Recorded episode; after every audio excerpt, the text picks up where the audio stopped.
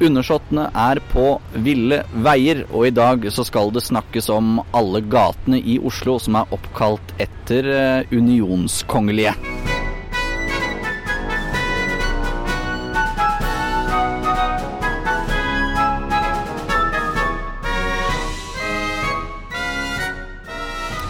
Velkommen eh, tilbake, Odd Inge Skjevesland. Takk skal du ha.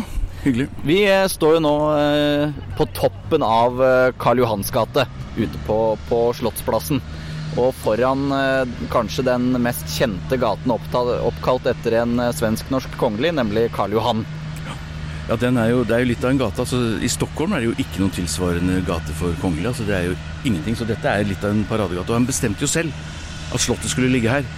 Og Den gangen var jo dette her nesten i villmarka, men det er en fantastisk gate. Ja, for, for Karl Johan kalte det vel for Bellevue-høyden, altså det, den flotte utsikten.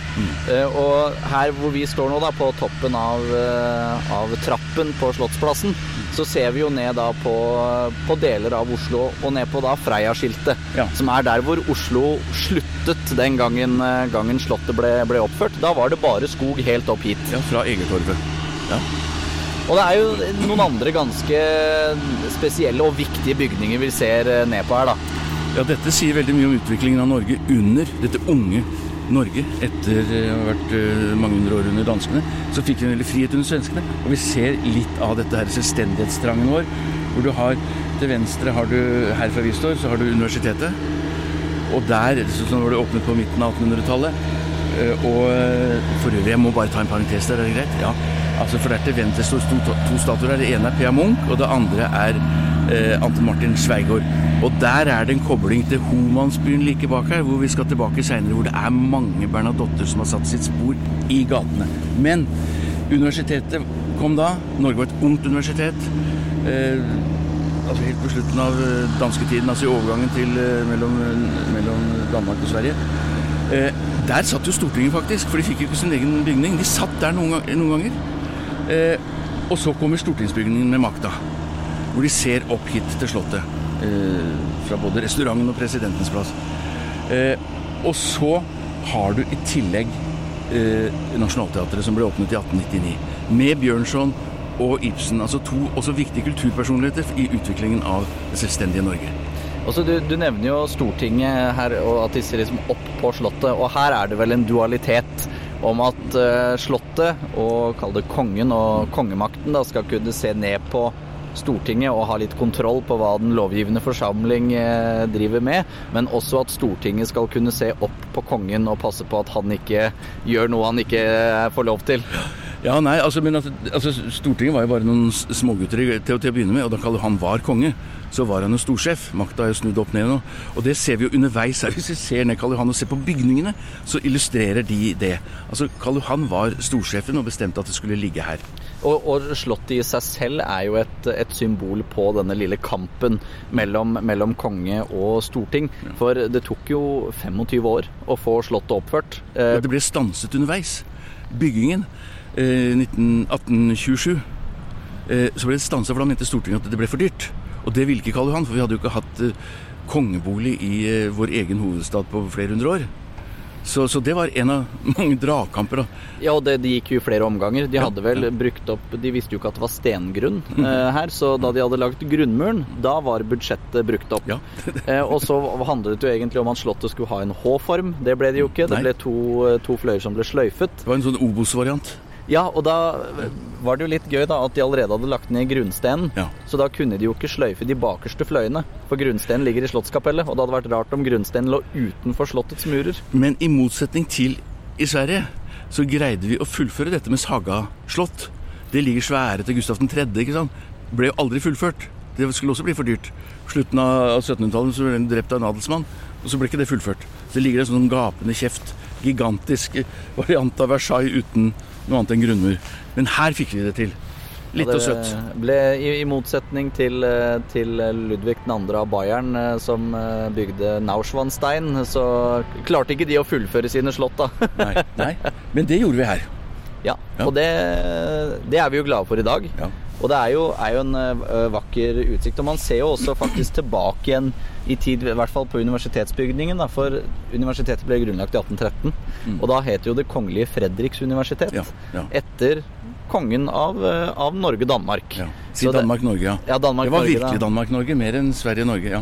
Så det er, det, det er det er mye historie vi, vi, kan se ned på her. Og så er det jo da denne flotte Karl Johan-statuen som et sånt, hva skal man si, kronen på verket over denne gaten som er oppkalt etter samme mann. Ja.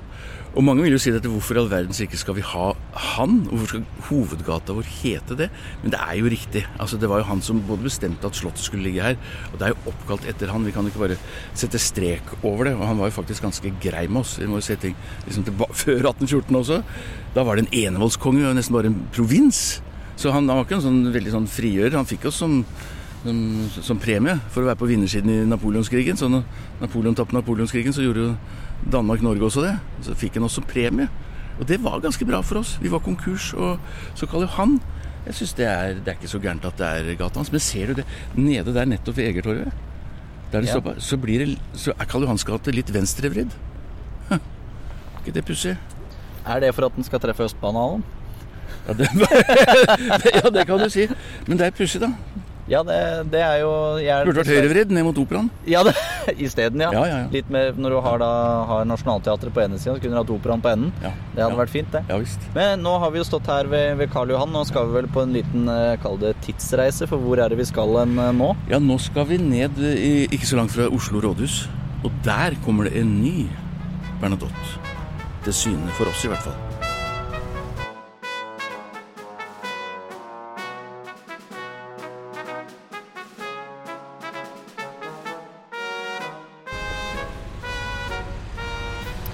Vi har jo nå beveget oss eh, hva skal vi si, fem til syv minutters gange fra kong Karl Johan og ned til et av hans mange tippoldebarn.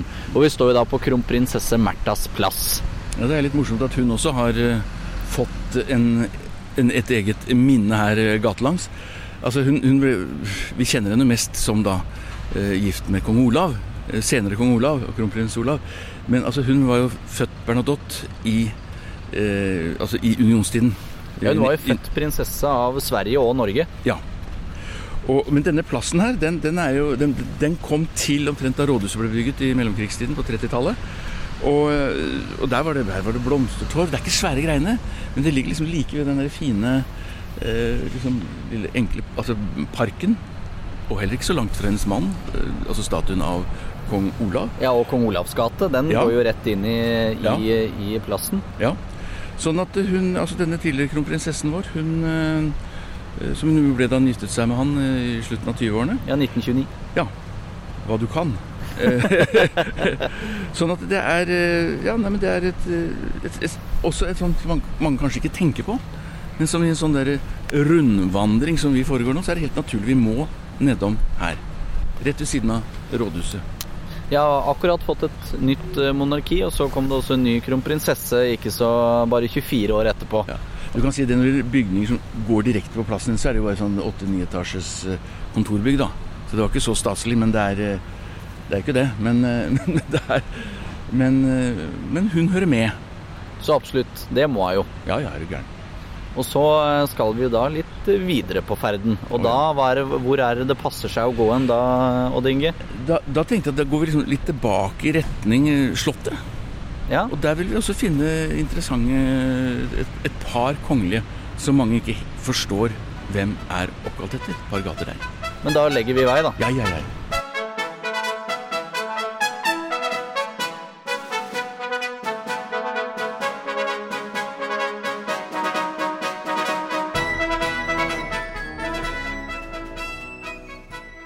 Og fra kronprinsesse Märthas plass så står vi jo da rett foran eh, statuen til hennes eh, svigerfar, kong Haakon den 7. Han ser jo da rett på Akershus festning. Men det er jo ikke han vi skal prate om eh, nå, for han var jo ingen Bernadotte. Selv Bernadotte han, er det mange som sier. Ja. Uten den E-en på slutten, altså. Det er nettopp det. Det, det er sikkert min norske uttale som gjør at, eh, gjør at jeg ikke sløyfer, eh, sløyfer én. Ja, men- men, dette har vi allerede pratet om i en annen episode, Odd Inge, så Nei, da skal ikke jeg blande meg. Det er bare så mange nerder, ikke bare oss to, men Nei. som er så opptatt akkurat Du kan ikke ha med den E-en når du uttaler det. Ja. De nerde strides, er vel uh, det man kan si om Bernadotte-Bernadotte-diskusjonen. Ja. Men kong Haakon var jo ingen Bernadotte. Han var sønn av, av prinsesse Lovisa av Norge og Sverige, da, som var en Bernadotte. Men vi prøver jo å holde oss til de som, som eh, hadde nettopp dette eh, Bernadotte-navnet. Og nå står vi jo da eh, like nedenfor Utenriksdepartementet. Og faktisk, dette er røykeplassen, for de, de går ut her, ser du det? Det er her de røyker. Ja, det er her de røyker, ja. Det er her de røykeplassen for de Et, ansatte i eh, et ganske sotete eh, askebeger her. Ja. Og Der oppe sitter utenriksministeren. Er- Ja, vi ser da opp på kontoret til eh, utenriksministeren og bortover langs med da Victoria terrasse. Og det er jo, det, det er jo litt Si noen spørsmål rundt eh, hvem Hvilken Victoria? Ja, for det er mange som tror at det er den, den kjente britiske dronningen Victoria, men det er det ikke. Ja, Det hadde vi i hvert fall ikke prata om i denne episoden. Absolutt ikke. Nei, det er jo selvfølgelig en Bernadotte. En inngiftet en, vel En inngiftet, Å Å, ja, ja, ja. Det er altså kona til den senere kong Gustav 5. Giftet seg i 1881. Ja. Det var da Hun var født Victoria av Baden, Mm. og var da søskenbarn av eh, keiser Wilhelm 2. Av, eh, av Tyskland. Mm. Eh, Og konge av Prøysen, da, vel å nevne. Det er ikke noe å si på det. Nei. Nei. og det er jo det, Dette var jo en arven litt hadde med seg, og sikkert veldig greit for, for Gustav, senere Gustav 5., som skulle vise seg å være veldig tyskervennlig, rett og slett. På en måte i en annen tid. eh, Da snakker vi første verdenskrig, ikke andre. Ja. men han var jo litt tyskervennlig da òg. ja. Det er litt sånn forstyrra. Utsikten er en fantastisk adresse, egentlig. Altså, altså Uten alle disse kontorbyggene, som, så er det jo helt Det er en fantastisk bygning. Ja, og eh, det, eh, den ble jo bygd for å huse nokså fantastiske mennesker og rett og slett. Det var luksusleiligheter. Dette var luksusleiligheter, Altså ti, ti rom og kjøkken. Altså det, det var oppi det. Så det var svære leiligheter. Så du Ja, måtte ha og- rå- råd til mer enn fløten i kaffen for å, for, å, for å kjøpe leilighet her. Og bygningen er da bygd i 1884, som Ja. gjør at vi kan trekke trådene litt tilbake igjen til, Oi. eh, til eh, Stortinget. Ja. Og eh, du, du lærte meg et ganske godt ord for gjennombruddet til parlamentarismen. Ja, for dette, det var jo litt makt igjen, da, men det, var helt, altså det er et av de mest dramatiske årene i, i, i norsk eh, politisk historie. Altså på, på mange mange hundre år. Da det var slutt på at det som skjedde i hu, huet på kongen, at det var den personen som skulle bli Norges statsminister, det ble det slutt på i 1884. Han hadde en krampetrekning med faktisk Christian Homan Sveigård, og der har vi et lite stikkord som vi skal komme tilbake til, men vi sier ikke det ennå. Og så øh, øh, Ja, det er, det er liksom gjennombruddet for det. At det er Stortingets makt. Utviklingen av demokratiet i Norge. Hvor man fikk lov til Stortinget møttes bare hvert tredje år til å begynne med etter 1814. Men det var den kampen for det som, da, som vi kan se i liksom i, i, historiens perspektiv, så ser vi det at det, det er liksom kampen fram mot unionsoppløsningen i 1905. Og da er det helt sentralt det som skjedde i 1884. Da Victoria terrasse ble bygd som luksusleiligheter. Johan Sverdrup skal vel ha sagt eh, at eh, her er all makt i denne sal, Ja. da han gikk inn på Stortinget. Men da mente han også at statsrådene skulle komme dit. Ikke bare stortingsrepresentantene, men at de skulle møtes og måtte svare for seg. Mens kongen hadde jo sagt at nei, hold dere unna. Til og med Oskar 2. sa det. Nei, kuttet dette. Ja, for statsrådene hadde ikke møteplikt på Nei, Stortinget. nei da, det er folk av minne, det, sa han. Han hadde jo bestemt i hodet sitt. Altså alle kongene fra Karl Johan bestemte hvem som skulle sitte i regjering. Så dette var en av de mange og viktige symbolsakene i utviklingen fram mot et selvstendig Norge bare et par tiår etter gjennombruddet for parlamentarismen. Ikke innføring, men gjennombruddet. I, eh, I Victoria terrasse da, så ligger det jo masse historie. Nå har vi trukket en, en, en tråd til Stortinget. Men det går jo også an å eh, trekke en linje til Nationaltheatret herfra. Ja, det er interessant. Eh, eh, Foran Nationaltheatret så sto jo to sentrale diktere i, i norsk- og verdenslitteraturen. Altså både Bjørnstjerne Bjørnson og Henrik Ibsen. Og du vet at det, og det er et poeng faktisk i forhold til utviklingen av Norge. Altså, Sønnen til Bjørnson, Sigurd, var norsk statsminister i Stockholm. Han var gift med Bergljot, dattera til Bjørnstjerne Bjørnson. Så Bjørnson pluss Ibsen var sant. Og Henrik Ibsen han bodde delvis her og skrevet et par av kjente teaterstykker. mens han bodde her på Victoria terrasse, oppkalt etter den svensk-norske eh, kronprinsessen, da, så lenge unionen. Nemlig altså både Lille Eyolf og byggmester Solnes. Skal han ha skrevet der. Så det er, det er en del av det som Det vet sikkert ikke utenriksministeren. Nei, men eh, da får, vi håpe at han lytter til episoden da, og kan lære det. Ja, det, det står jo Det kongelige utenriksdepartementet ved inngangsdøra. Så da må de jo skjønne litt. De bør jo vite det. Så absolutt. Ja. Og herfra, det, det er jo da Hva skal man kalle det? Et, eh, et symbolsk lite slott sånn sett, med Ja, koblinger ja. både til storting og nasjonalteater. Mm. Eh, og så, da, Odd Inge, hvor, hvor skal vi videre? Ja, da skal vi videre. Og da må vi bare til slutt også nevne at dette har jo også første, Mens Norge var såkalt selvstendig land under okkupasjon, så var jo dette hovedkvarteret til Gestapo. Ja, det er en viktig historie å det nevne. er altså Og her var det, det Altså, her ble mange nordmenn torturert. Dette var et forferdelig sted Ja, under det- krigen. og så det er mange symboler i det. Og det er den eneste plassen eh, som de allierte bombet i Norge. Eh, eller i hovedstaden, da. De eneste allierte bombeangrepene mot, eh, mot Norge eh, under eh, Mot Oslo under andre verdenskrig. Mm. Da det var vel 25.9.1942 og 14.12. 1944. Og du, en ting når vi går forbi her, nå, nå går vi forbi hovedinngangen til Utenriksdepartementet, der er det en byste av statsminister Jørgen Løvland, Norges første utenriksminister. Den eneste som har vært statsminister både Nei, en av to som har vært statsminister både i Kristiania og i Stockholm. Og han var den siste norske statsminister som møtte en unionskonge i statsråd på Slottet i Stockholm 27. mai 1905. Og det var der egentlig unionen brast. For det var da han nektet hele regjeringen å gå av, fordi kongen selv hadde sagt nei til, at, til i konsulatsaken. Så sa jo statsminister Løvland, han der på sokkel fra Agder Da sier vi opp. Vi sier nei til sånn. For det er ikke mulig å danne noen ny regjering nå, sånn. Derfor får dere ikke lov til å gå av. Og det er det som ble gull verdt noen dager senere. Da Christian Michelsen sa ja, men det står i Grunnloven at det er kongens ansvar å sørge for at Norge har en regjering. Ja, men det er ikke mulig, sa kong Oskar 2. Ja, men da har kongen sluttet å være konge, da jo. Og det er bakgrunnen for 7. juni. Derfor vil vi flagge 7. juni. Og han, noen, altså et par halvannen uke før, var den siste som var på, på Slottet i Stockholm som norsk statsminister. Når du da har nevnt eh, Jørgen Løvland, så har vi da også kommet tilbake igjen måte til, eh, til starten på dette lille stikket.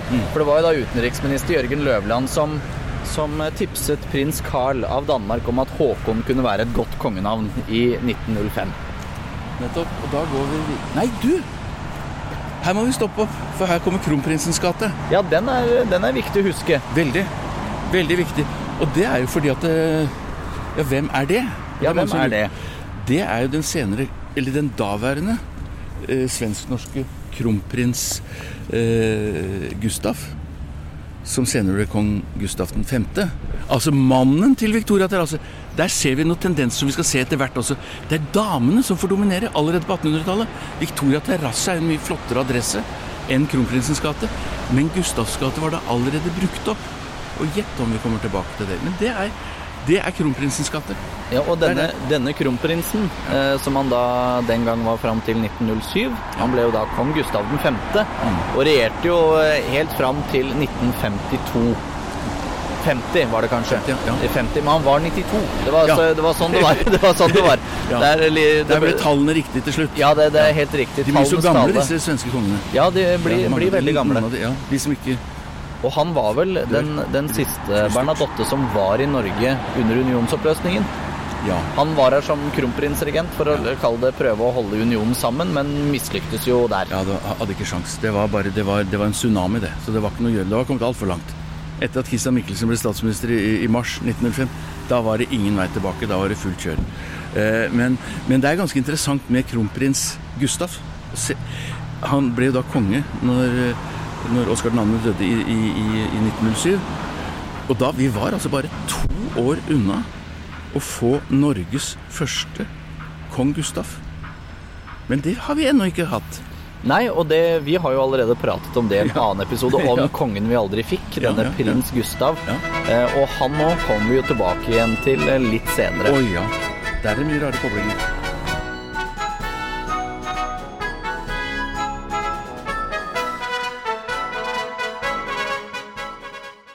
Vi har jo nå beveget oss et lite stykke, Odd Inge, og står jo nå i en, eh, en jungel av ambassadeboliger og luksusleiligheter, og kan jo Fasjonabelt her. Ja, det er veldig Ja. fasjonabelt. Vi, vi føler oss hjemme her, gjør vi ikke det? jo, jo, i hvert fall mens vi går og prater om dette. Absolutt. Før For, virkeligheten innhenter oss igjen. Og det er jo noen vakre spir og arkitektur her som kan minne litt om eh, Victoria terrasse. Ja. Men vi skal jo i hvert fall én generasjon tilbake, eller to faktisk, før vi kommer til mannen som denne gaten er oppkalt etter. For Ja, det dette er da Oskar den første. Ja. Altså, han var jo sønn, eneste sønn, i hvert fall offisielt, som vi vet, eh, til Karl Johan. Han var født i Frankrike, eh, og, og kom jo som tiåring, til elleveåring til, til, til Stockholm. Og har jo vært, var liksom den første som snakket norsk, og han var Altså, han var jo Altså, brakte på en måte nærheten til Norge mye altså, På en helt ny måte enn det faren gjorde. Han lærte seg norsk, var opptatt av at barna skulle, skulle eh, få norskundervisning osv. At de skulle føle seg like norske som svenske. Eh, Så det var et sånn eh, paradigmeskifte, snakker man mye om i svensk politikk om dagen, men det var jo det også i den svensk-norske unionshistorien med, med Oskar den første. Ja, det var jo han som holdt den første, første trontalen på Stortinget på, på norsk. Ja, ja. Det var jo, var jo ingen som hadde, hadde gjort før han. Første gangen trontalen på Stortinget ble holdt, var den jo på fransk. Ja. Eller da var det jo rett og slett ikke på Stortinget heller, det var Oslo katedralskole. Men, eh, men det, er litt lettere å si det sånn. Ja, nei, men han var også opptatt altså Dette med at barna fikk også mye altså, Han sammen med eh, sin hustru, som vi kommer tilbake til veldig snart eh, Han hadde jo De var veldig opptatt også av at det skulle være mye kunst og kultur i oppdragelsen til barna. De, fikk, de hadde jo, som vi snakket om tidligere, om Sangenprinsen, at de hadde jo til og med skole om sommeren. Men det var dette med sang og musikk. Billedkunst skulle lære seg. Litteratur. Altså det, det var kulturfolk, da. Sånn at det, det er ikke så rart at nedi eh, Du har det italienske eh, kultursenteret ligger også i, er også noe av mangfoldet fra liksom nesten bare luksusleiligheter, så er det ambassader, som vi sier. Og, og det var jo her, det må vi jo nevne nå før vi kommer til Josefines gate, at det, der var det faktisk eh, altså Arne Treholt. Hans leilighet det var ikke bare i New York eh, den ble avlytta, det var jo her i Oscarsgata også. Sånn at det er norsk spionhistorie også i denne gata. Dette kulturlivet denne, eller denne kulturoppdragelsen da, som du nevner med, som var mellom disse fem barna som man hadde med dronning Josefine, Ja. så eh, Det var jo også dem to som bygde lystslottet Oscarshall ute Ja. på Bygdøy. Ja. Så det, det, nei, ikke Bygdøy. Hvor er det det ligger? En, Jo, det ligger på Bygdøy. Jo, det er på Bygdøy, ja. Ja, og, og, og du må også si det at det, selv om det er prins Gustav, sangeprinsen, som er mest kjent som komponist, så var jo også eh, altså Kong Oskar den første var også ganske habil komponist altså, og, og utøver av musikk. sånn at dette var en sånn kult, veldig kulturell kongefamilie. ja det, disse fikk jo da fem barn, Ja. som eh, da var var, eh, var eh, Carl, Gustav, Oskar, Eugenie og August. ja. Og flere av dem skal vi jo innom. Oi, ja. På veldig artig vis, du. Ja, Men du, nå har vi kommet oss opp Vi bare tok til venstre fra Ja. Oscars gate. Eh, og så ett kvartal til en parallellgate, og nå er vi i Josefines gate, og det er jo da hans hustrus gate. Den er ikke så lang. Den er bare halve lengda. Altså Når vi nå ser opp til Uranienborg kirke der, så stopper jo eh, Josefinsgata her, mens Gustavs, nei, unnskyld, Oscar, Oscars gate, altså Oscar den første gate, går, går lang. Begge starter i Bislett, og vi skal i den retningen nå. Så nå tørner vi til høyre. Her begynner Josefines gate. ja, men da legger vi bare i vei, da. Ja, vi Så kan vi, vi, vi kan fortsatt prate litt. Det er mye å, mye å prate om rundt disse, de, de, disse menneskene her. For ehm, Ja, hvor var det jeg skulle hen nå? Det var et godt spørsmål. Det var, Hvor vi eh, skal nå? Altså, altså, nå skal vi jo bort til Josefines gate. Ja, nå tenkte jeg til, til tankene mine. Det var de som, eh, de som begynte å eh, Ja. løpe løpsk Ja, det når vi var på, var på kong, kong Oskar. ja. Men det er, det er disse, disse, for disse fem tankene barna da, som vi skal til nå. Det ikke, jeg har ikke skrevet bok om det. Nei, det, det håper jeg ingen gjør heller. Jeg er ikke psykolog heller. Ja. Nei, det var Men nå vi i, beveger vi oss vel også gjennom Homansbyen, gjør vi ikke det, som du Jo. nevnte tidligere? Jo, og det er jo interessant. altså Hvis vi da tar utgangspunkt i Christian Homan Sveigård, en av 1800-tallets store intellektuelle i Norge, som jo står på sokkel i helfigur eh, utenfor eh, urbygningen på Karl Johan. Homan det er jo en kobling, familiekobling der, til de som bygde denne bydelen her med disse, disse nye. Det er også luksus. Her er det hus, ikke leiligheter bare. Her er det egne hus, og det er ganske uvanlig for, eh, også for Oslo og Kristiania den gangen. Ja, nå går vi jo forbi den eh, portugisiske ambassaden. Ja, Det er jo det, det, det er vel en ting som eh, Oscars gate og Josefines gate har til felles, at det er en del ambassader også her. ja. Men en ting som jeg la merke til, er jo at disse gatene er jo ikke koblet sammen. Sånn som mange av de gatene vi skal se, se senere. Og som vi så med kronprinsesse Märthas plass og kong Olavs gate. Der lå jo de på en måte koblet sammen. Ja. Mens eh, Oscar og, og Josefine, de, deres gater går jo da parallelt. De går parallelt, ja, og de, de trenger, som vi kommer snart tilbake til, litt hjelp for å liksom bli bundet sammen. Men, og, det, og det er jo litt, kanskje litt sånn symbolsk, uten at noen har tenkt på det før. Men altså, han kjørte jo et dobbeltliv, da. Ja. Han, eh, han hadde jo udiskutabelt altså flere barn. Man, man vet jo det, at de ble kalt for prinsene av Lappland, de to sønnene han fikk med skuespillerinne eh, Høgquist. Sånn at eh, eh, kanskje det er riktig det at de går parallelt. Altså Det var en stor sorg i dronning Josefines liv at eh, mannen hadde sånn dobbel bokholderi. Og så må, det må jo ha vært ekstra, hva skal man si, skuffende med tanke på at det rett og slett var dronning Josefine som, som tilførte Bernadotte-slekten kongeverdighet. Via på en måte slekten sin, at hun var Ja. av Lichtenberg og Ja. barnebarn av Maximilian 3., og det var jo Og både ikke bare det det, og ikke bare det, det er gjennom henne at svenskene får tilbake Ikke lastebiler, men de som passerte her nå, men at de fikk tilbake en kobling til Gustav Vasa.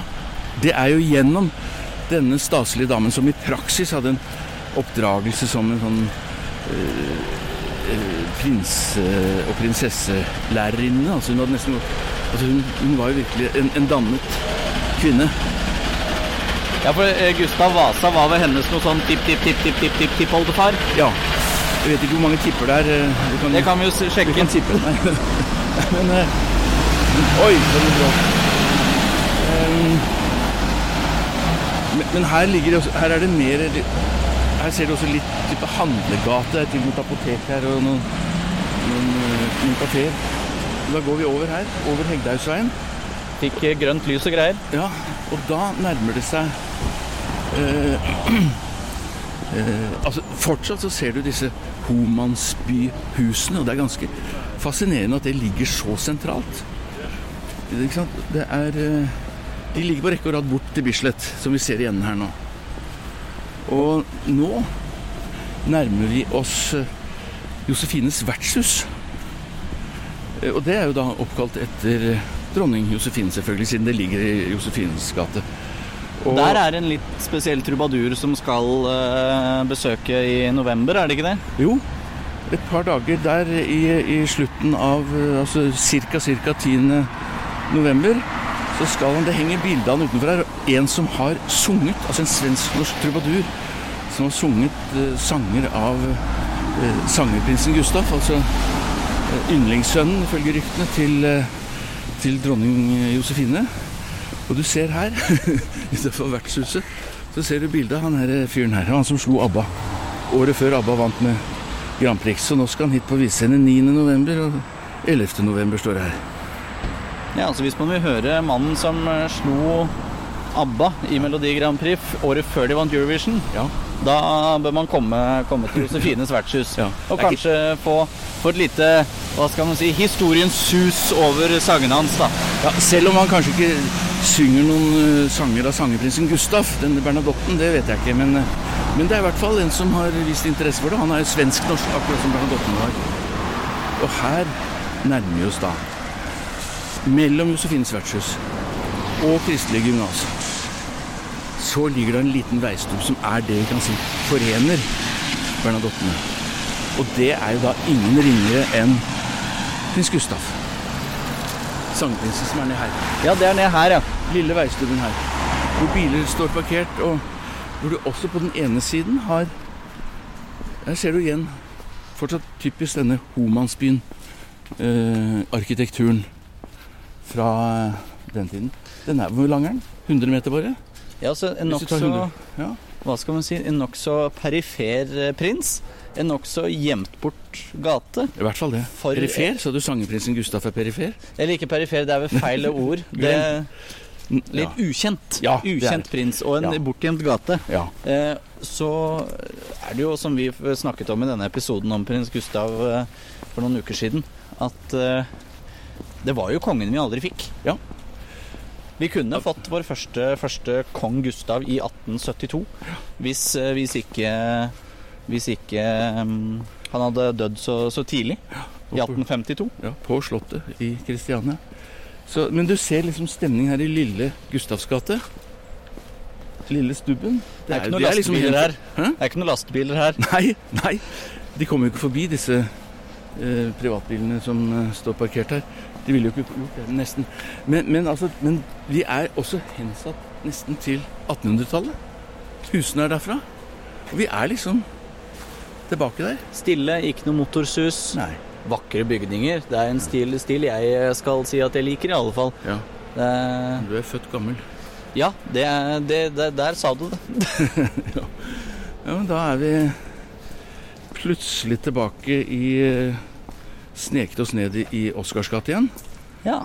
Og da nærmer vi oss et virkelig sånn kraftsentrum i forhold til der vi har vært nå. På den ene siden Karl Johan, opp til hans sønn og svigerdatters gater. Og denne lille veistubben med en av sønnene, altså i tredje generasjon. Så stopper vi der, liksom, men da går vi bort til Bislett, til rundkjøringa på Bislett, og der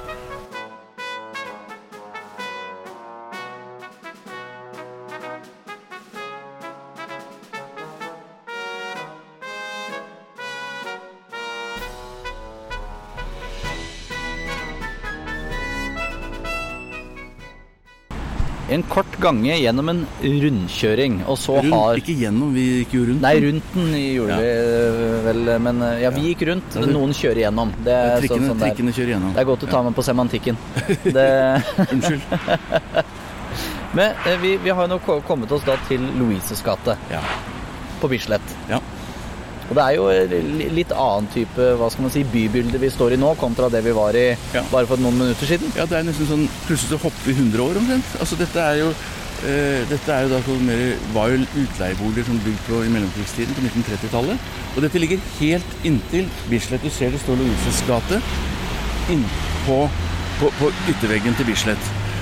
Og da skjer jo også det helt nye, og som er veldig overraskende. For vi er nå på 1800-tallet, og da er det ikke lenger Det blir ikke Karl, kong Karls gate. Nei, nå begynner damene å ta over. Sånn Gustav er den eneste av de fire brødrene som har fått en egen gate oppkalt etter seg. Men her er det Louise, altså Carls hustru, som får denne gata. Ja, det er jo det, det, er det vi har kommet til nå, på en måte, disse, disse damene. Og det er jo eh, ikke, ikke um, fødte Bernadotter, men giftede Bernadotter. Ja, ja. Så uh, Louise var vel egentlig født prinsesse av Nederland. Hvem da sa du? Eh, Louise Ja. var gift prinsesse av Nederland og, og giftet seg da med, med, mm, med kong Karl den fjerde, som ble konge i, i 1859. Ja, ja, ja, Louise, ja. Ja, Louise, ja. Jeg var hun- for rask her, for dette, nå gikk vi plutselig inn av de andre damenes Ja, gate her. så men, hjørnet før, før vi begynner på henne, så må jeg bare ja. si at denne Louise, da, det var jo da mormoren til kong Haakon av Norge. Ja. Hva du Men vet. nå kan du Nå? få begynne på Ja, for nå har vi kommet til trikken, og det er litt morsomt. Ja, Altså fordi det var jo fire altså Oskar den første og Josefine, som vi har nettopp forlatt gatene til, eh, de hadde jo eh, fem barn. Fire sønner. Og de tre eldste sønnene var åpenbart kongsemner to, og de ble jo konge. Og den andre er jo kongen gikk glipp av, nemlig sangeprinsen Gustaf med en egen gatestue. Sistemann var ikke noe emne, med andre ord. Ikke i det hele tatt. Det er det klare, eh, mildt sagt indisier eh, på så mange vis. Fra eh, eldre brødre måtte ut i Uppsala eksempel, og redde både familiens og lillebrors ære. Men han, altså da han på det som var dødsreisen som vi snakket om, til sangeprinsen Gustav i 1852, eh, på den omveien som de hadde da det eneste sånn positive og hyggelige som skjedde da, som var i hvert fall vet, det var at da var det lillebror Gustav Nei, unnskyld, lillebror August som fant seg kone, og det var Therese. Men han Gustav Nei, nå ble det Hva da? De var på Wilhelm. Vi var på Nei, Wilhelm, sier jeg. August var vi jo på. Det var August vi pratet om. Rota vi så mye at vi burde ta det om igjen? Nei da. Vi gidder ikke det? Nei, det gjør nei, nei, nei, dette, dette, dette er noe av Dette tenker jeg er noe av magien. Det er magi, ja visst er det magi, og det er magi, men det var det motsatte av magi som gjaldt på en måte framtoningen til prins August. Fordi, altså Han gikk for å være litt enkel, og dette visste han, så han hadde litt selvironi. Og så, I Sverige så er det et uttrykk som er at det dummere enn toget. Og det var fra 1800-tallet. Man kunne ikke si at det kongelige var dumme, men da eh, Da eh, Et lokomotiv ble oppkalt akkurat som båter ble oppkalt etter kongelige og kjente personer. Fly og sånt også. Ble kalt for At et lokomotiv ble døpt for prins August. Så kunne man tillate seg uttrykket 'dummere enn toget'. Dette fanga prins August opp. Og så sa han at eh, Ja, ni tykker jeg er så og så, men da har de inte møtt min fru. Og, og det var Therese med Thereses gate. Den eneste Bernadotte som har fått en gate med trikk i seg av Bernadotte. Ikke sant? Og, og hun var da gift med han som skal ha vært dummere enn toget. Hun var jo da født eh, ikke prinsesse av Bernadotte, men eh, Nei. prinsesse av eh, Sachsen-Altenburg. Ja, igjen. sånn, de, mm, nå kan jeg bruke ordet perifert eh, tysk fyrstehus, kan jeg ikke si det? Jo. Gjerne, gjerne for meg. Nei, men Det er ganske interessant at hun har fått denne Det er kanskje en av de mest kjente gatene som Bernadotten har hatt, i hvert fall i denne delen av eh, Oslo. Sentral Oslo. Og hva, det, nå igjen får vi disse, disse, disse fine koblingene. For vi skal jo nå til en annen, annen gate, og det er, hvis jeg husker riktig, sønnen til prins August og prinsesse Therese. Therese. Var det ikke det prins Wilhelm skal til, vi skulle til eller nå? Eller de var barnløse. De var barnløse, ja. Um, men du vil bare si en ting til før vi går videre, og det er Ja. at uh, her ser du helt annen Ikke bare bygningsmasse, men hva det er her. Altså, her er det ikke noen svære leiligheter. Det er nok en og annen stor leilighet også. Men, men her er det blomsterbutikker, her er det kafeer, en liten bokhandel. Det er altså en helt annen del av byen plutselig, når du bare kommer på den andre siden av rundkjøringen på Bislett. Men her så begynner vi å se et, et annet skilt med et uh, nokså kjent navn. Det I hvert er fall for oss.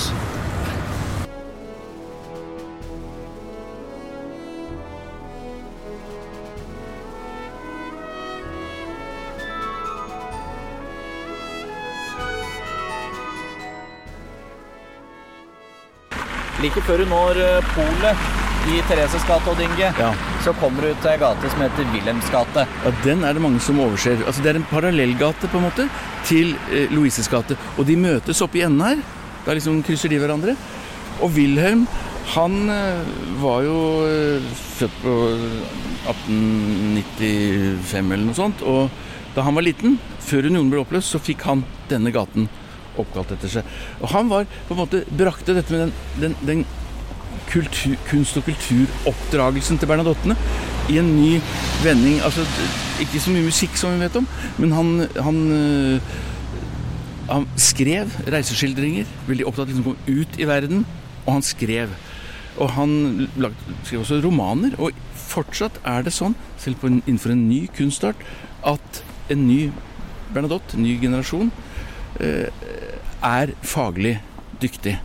Altså Han fikk brukbar eh, respons. Akkurat som, selv om han ikke har gateoppkalt etter seg, men altså eh, malerprinsen Eugen er jo så da neste generasjon fra sangerprinsen Gustav f.eks. Det er fortsatt altså De holder en viss kvalitet, altså. Ja, for, for Wilhelm var jo da dikterprinsen. Ja. Og han, eh, han var jo da eh, grandnevø av denne Therese, som vi gikk i gaten til tidligere. Ja. Og da sønn av Gustav 5. og bror til Gustav 6. Ja. Så dette er en som er nær eh, på en måte de, de kongelige. Absolutt. Og så, hadde han jo en ganske utsvevende sønn da, som han fikk med sin kone Maria Pavlovna av Russland. Søskenbarnet til tsar Nikolai. ja. Og, og Lennart het jo han. Ja, og det, men altså før du nevner så må du også ta med at han var jo veldig moderne. Altså Det var nesten skandaløst. Eh, Fordi Wilhelm i denne Wilhelms gate, han, han etter skilsmissen så, så ble han jo samboer. Det var helt uhørt den gang med en fransk kvinne som var skilt ifra en svensk eh, kunstner. Og de holdt sammen i mange, mange år. Og han kjørte jo bilen prins Wilhelm da hans samboer gjennom mange år, flere tiår, omkom. Mista grepet på, eh, på glatt føre.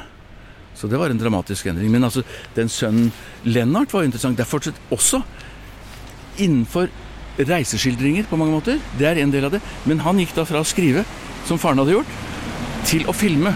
Ja, og igjen nå, da kommer vi jo inn på eh, favoritten din, Sangerprinsen. For han spilte jo i en film Ja. som het Prins Gustav. Rett og slett, som kom i 1944. Og som, det var mange toppfolk i, i svensk eh, film som var med der, fra regissør til andre hovedroller. Og der spilte Lennart Bernadotte. Da spilte han kronprins Carl. Sin Altså, grandonkel. Yes, og senere kong Carl. Og eh, denne Lennarts bestemor, og da Wilhelms mor, het jo da dronning Sofie Mm. av Sverige. Nei, men der er hennes gate, jo. Ja, hun har vi kommet til nå. Ja, ja. Hun var jo da gift med Gustav 5. Nei, nå blander vi. Hun er, hun var gift med Oskar 2. Ja, unnskyld. Det er jeg som eh, tar, tar eh, innspurten på feil, feil navn her. Men disse det, det er Svenskene Svensken er ikke min sterkeste side. Nei, det, Men det er det skal komme. Kona. Vi skal ta, vi skal ta flere. Vi skal ta kona til flere Oskar 2. Ja. Men her er det morsomt. Her har du både, I krysset her på dette rosa huset så er det både Sofies gate og Wilhelms gate. Ja, bestemor og barnebarn Ja. i skjønn forening. Ja. Altså, så Bernadottene har satt, gjort avtrykk her, altså. Ja, og det, det er jo passende at nå når vi nærmer oss episodens slutt, Ja. har kommet oss på en måte til, til et kryss hvor vi ser to, to skilt i samme, i, på samme husvegg nesten. Og så må vi da bare helt før vi gir oss der, altså bare gå disse 50 meterne opp. Oppover Josefines, nei, unnskyld, Sofies gate. Og hva ser vi der? Ikke bare Ruseløkka skole, men Eugenies gate. Og det er jo bare Eugenie, denne eneste søsteren i tredje generasjon, og sangeprinsen Gustav, som har fått gater oppkalt etter seg. Og der, der ser du, der er, der er Sofie og Eugenie. Altså damene tar Altså vinner, rett og slett. Og det interessante er, som jeg har nevnt før, at de, disse navnene, nesten alle, eh, ble, ble bestemt på 1800-tallet. Likevel vinner damene. Og nå er vi nesten Hadde vi gått opp hele Eugenies gate, så hadde vi vært på Sankthanshaugen. Så det er helt klart damene som vinner denne kampen om eh, Bernadottenes gatenavn i Oslo. Den gatekampen der er vinner damene. Og med det så vil jeg bare si tusen takk, Odd Inge, for at du blei med på, på denne lille rundturen. Nå har vi gått rundt i to timer og prata Ja. om både det ene og det andre. Så vil vi jo bare anbefale lytterne våre å ta, ta samme runden mens de lytter til episoden, da. Så tusen takk. Takk selv. Vi lyttes.